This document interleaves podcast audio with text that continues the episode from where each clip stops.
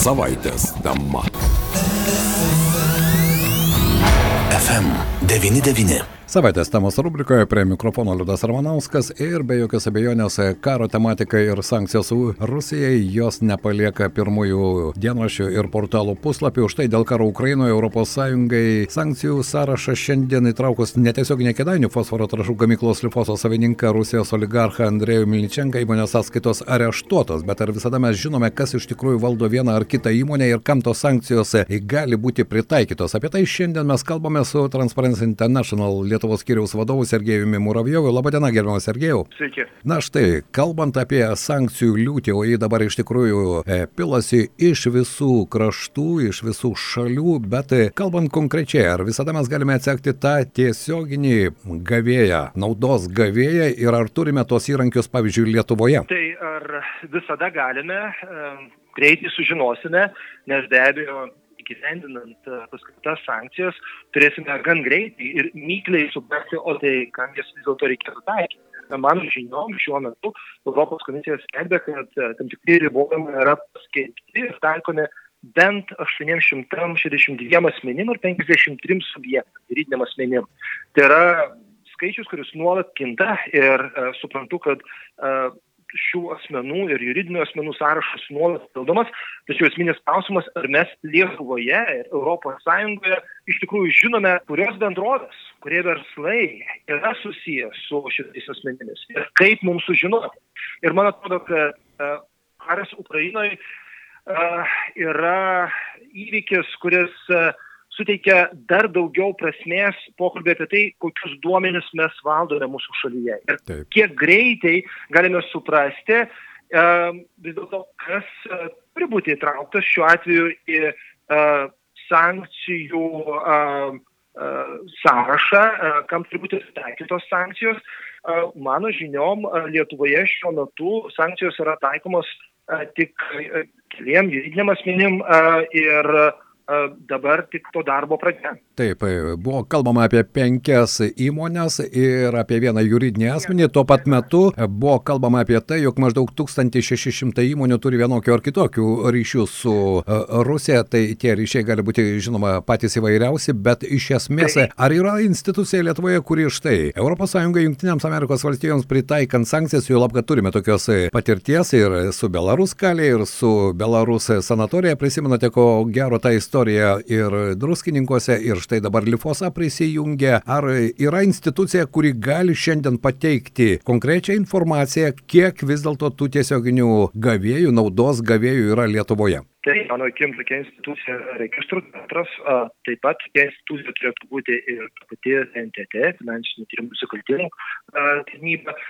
Ir mažo to, mes su jumis kalbame ne vien apie vien su rusų pinigais susijusius verslus. Aš manau, kad labai svarbu taip pat turėti omeny, kad Lietuvoje yra bent tūkstantis verslų, kurie galbūt yra susiję su baltarusių verslininkais. Ir na, tai, kad jūs minėjote tuos skaičius, kuriuos dabar mes kalbame, kad sankcijos šiuo metu taikomos tiem juridiniam asmenim, akivaizdžiai rodo, kad uh, skaičiai yra kitokie. Dabar galbūt nėra taip, kad visos įmonės turi patekti po sankcijų. Tiesiog siekime mes su kolegom iš pasaulio, mūsų viso pasaulio, uh, iš Europos Sąjungos. Šiandien atkreipdami dėmesį į tai, kad vis dėlto mes turime žinoti, kam priklauso įmonės Lietuvoje ir turėti galimybę prieiti prie šitų duomenų viešai, nemokamai. Kalbame apie tai, kad tokio pobūdžio duomenys turi būti labai greitai įvertinti. Ir mes negalime laukti savaitės arba mėnesius, kol mūsų kolegos teisėsaugos vėsinos institucijose su savo dabartiniais resursais, kurie yra tokie, kokie yra, galės atsakyti į šitą klausimą. Nes po kelių savaičių ir mėnesių bus per vėlų. Ir mes labai norėtumėm, kad mes jau dabar, šiom dienom, turėtumėm labai aišku pamatuotą matymą, tai vis dėlto kiek verslų ir toliau gali veikti nevaržomai, kiek verslų vis dėlto turėtų staptelt ir turi patekti po sankcijų ir mes iš savo pusės namų darbus esame atlikę. Sergejau, prieš keturis metus, jeigu neklistu, tai buvo 2018 metai, ES buvo priimta, ar ne, direktyva, jog turi būti viešai prieinami įmonių savininkų galutinių naudos gavėjų registrai. Kiek mes pasistumėjome, tas registras, palaukit, nuo šių metų liktai Lietuvoje jau pradėjo galioti, bet buvo kalbama apie tai, kad norint gauti tą informaciją, reikia sumokėti pinigus, galbūt jūs turite e, vis dėlto bendradarbiauti su kolegomis, kiek šalių, bent jau Europoje, iš tikrųjų turi tokius registrus, kuriuose gali galima pamatyti galutinius naudos gavėjus? Taip, tai labai geras klausimas. Iš tikrųjų mes vėluojame. Ir taip, artimiausių metų, aš kalbėjau su kolegom iš vyriausybės, turime tą registrą turėti, tačiau dabar esame viena iš trijų, keturių šalių ES, kuri vėluoja ir iš tikrųjų mažo to, vis tiek skelbsime to duomenis, bent jau mano žiniom šiuo metu, už tam tikrą mokestį ir reikės vis dėlto už kiekvieną duomenį mokėti. Tai yra blogai nes matome kad kolegos latviai matome kad kolegos didžiojoj britanijoj danijoj toj pačioj ukrainoj nuėjo kitu keliu ir tokio pobūdžio duomenis teikia ir atviru formatu ir nemokamai ir aiškiai supranta kad vienintelis būdas užkirsti kelią ne vien pinigų plovimui bet ir stambiai korupcijai jų šalyse yra tokiais duomenimis dalintis, nes tokiu būdu užtikrini galimybę ir kitiem įsitraukti, tyrimosios žurnalistikos atstovų, aktyviem piliečiam, tiem patiem verslam uh, ir atkreipdėmėsi į tam tikrus uh, neatitikimus. Taip pat uh, žymiai lengviau ir paprasčiau dalintis informaciją su kitų šalių pareigūnais, kurie kitaip dažnai turi taip pat teikti užklausas, laukti ilgus mėnesius, kol gaus panašaus pobūdžio informaciją.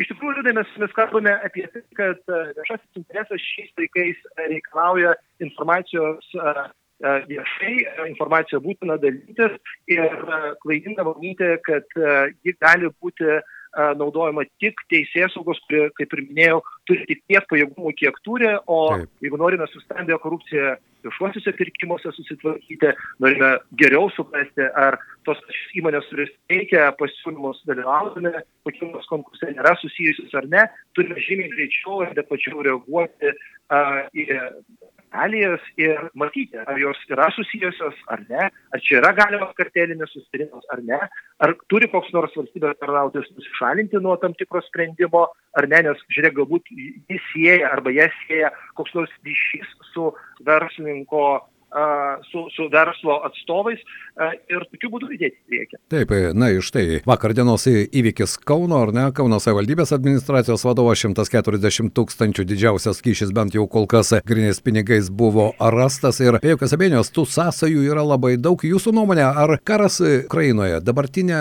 sankcijų liūtis gali būti tuo trigeriu, kuris paskatins ir pas mus tą procesą pagreitinti ir iš tikrųjų, kaip jūs sakote, kad tai būtų prieinama ne tik teisės saugai, STT, bet ir e, plačiai visuomeniai, na ir žurnalistams? Vienareikšmiškai aš manau, kad karas Ukrainoje turi labai aiškiai nusiųsti žinę, kad e, valstybės saugumas yra didžiausias tikslas ir e, mūsų viena didžiausių prerogatyvų. Ir aišku, kad antikorupcija, e, kova su stambė korupcija, e, stambios korupcijos prevencija yra vienas iš valstybės saugumo pamatinių stulpų. Tai reiškia, kad mes turime iš anksto užbėgti įveikiam už akių ir žinoti, dalyvauja sprendimų prieimime, ką atstovauja viena arba kita verslo grupė, tai yra kas yra verslo akcininkai, savininkai, tam, kad tiesiog adekvačiau matyti pasaulio aplink save ir taip pat tokiu būdu gebėt apsisaugoti nuo trečiųjų šalių įtakų, nuo norimo, galbūt noro daryti poveikį mūsų sprendimų prieimėjim. Kitaip, kai nevaldai informacijos ir vieni milžiniško, taip vadinamo žinių asimetrijų, tai vado labai nedaug žmonių, na, tikrai gali padaryti e, klaidų ir e, iš principo net nesuprasti, su kuo tai reikalas. Taip, be jokios abejonės. Na ir paskui pati visuomenė, štai ir mums tenka bendrauti su mūsų klausytojai, sako, taigi mes nieko nežinojom, iš kur aš galiu žinoti, kas ten su kuo susijęs, o sprendimus priėmė, viskas nuvažiavo ir po to čia narpliokis. Na, narplioti turėtų būti žurnalistų kasdieninė duona, bet vis dėlto registras, kuriame būtų fiksuoti galutiniai gavėjai, tai yra naudos gavėjai, mano nuomonė, įmonę jis yra tiesiog būtinas ir norisi tikėti, kad iš tikrųjų tas procesas pasparties. Beje, kalbant apie tarptautinę praktiką, irgi jau bendraujate su kolegomis, ar ne, kiek e, štai įvairių organizacijų, bent jau Europoje, iš tikrųjų apie tai kalba, diskutuoja ir siūlo priiminėti vienokius ar kitokius sprendimus, kad to aiškumo ir skaidrumo būtų kiek galima daugiau, na, o stambaus masto korupcijos kiek įmanoma mažiau. Vis daugiau organizacijų liūdai, man atrodo, kad kolegos Europos Sąjungoje puikiai supranta ir vis geriau supranta, Europos Sąjungos vienas didžiausių šio dešimtmečio iššūkių yra kaip tik stambios korupcijos pažabojimas, o stambus verslų, stambių verslų interesai interesai, į kuriuos labai įdėmiai turėtų žiūrėti, juos įvertinti ir suprasti, o tai kas už tų verslų kartais stovi ir skirti ypatingą dėmesį pinigų plovimo prevencijai. Pavyzdžiui, mums Vilniuje, Lietuvoje tai yra itin aktualu ir dėl to, kad mes turime labai daug su tam paslaugoms, su ambicijų.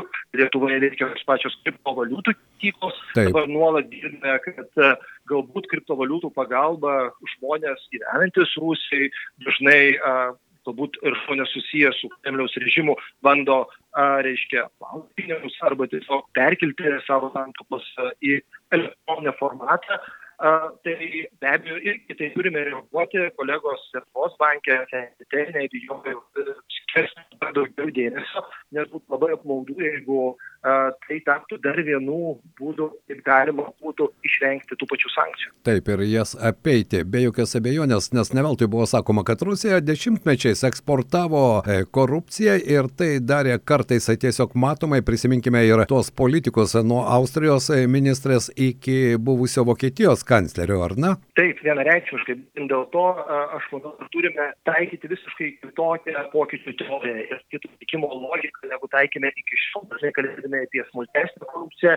Dabar aišku, kad uh, niekur uh, neįmanoma pasislėpti nuo fakto ir pokalbė apie tai, kad turime susitvarkyti ir su stambėje korupcija, sumažinti jos rizikas, pasireiškimo tikimybės, o tam, kad galėtumėm tai padaryti, turime prasti dalintis duomenys ir teisės sauga vis dėlto sėkmingai gali veikti ir lengviau užšiuopti problemas tuo atveju, jeigu tokiais duomenimis, kaip pavyzdžiui įmonių savininkų duomenys, bus teikiami viešai ir mes galėtumėm įsitraukti į šitą procesą ir padėti visiems. Be jokios abejonės, žurnalistai tame tarpe taip pat. Ačiū šiandien, mūsų pašnekovas buvo Transparency International Lietuvos skyriaus vadovas Sergejus Muravjovas. Nebėjau, kad šiomis dienomis, ko gero, apie tai jūs kalbate ne vienoje žiniasklaidos priemonėje. Taip, apie tai kalbame vis daugiau ir aš tikiuosi, neužilgo pamatys tos pačius rezultatus, nes nematau jokios priežasties, kodėl negalima būtų atsisakyti bent jau mokesčio ir padaryti tai, kad mes su jumis apie įmonių savininkus galėtumėm sužinoti nemokamai. Ačiū Jums.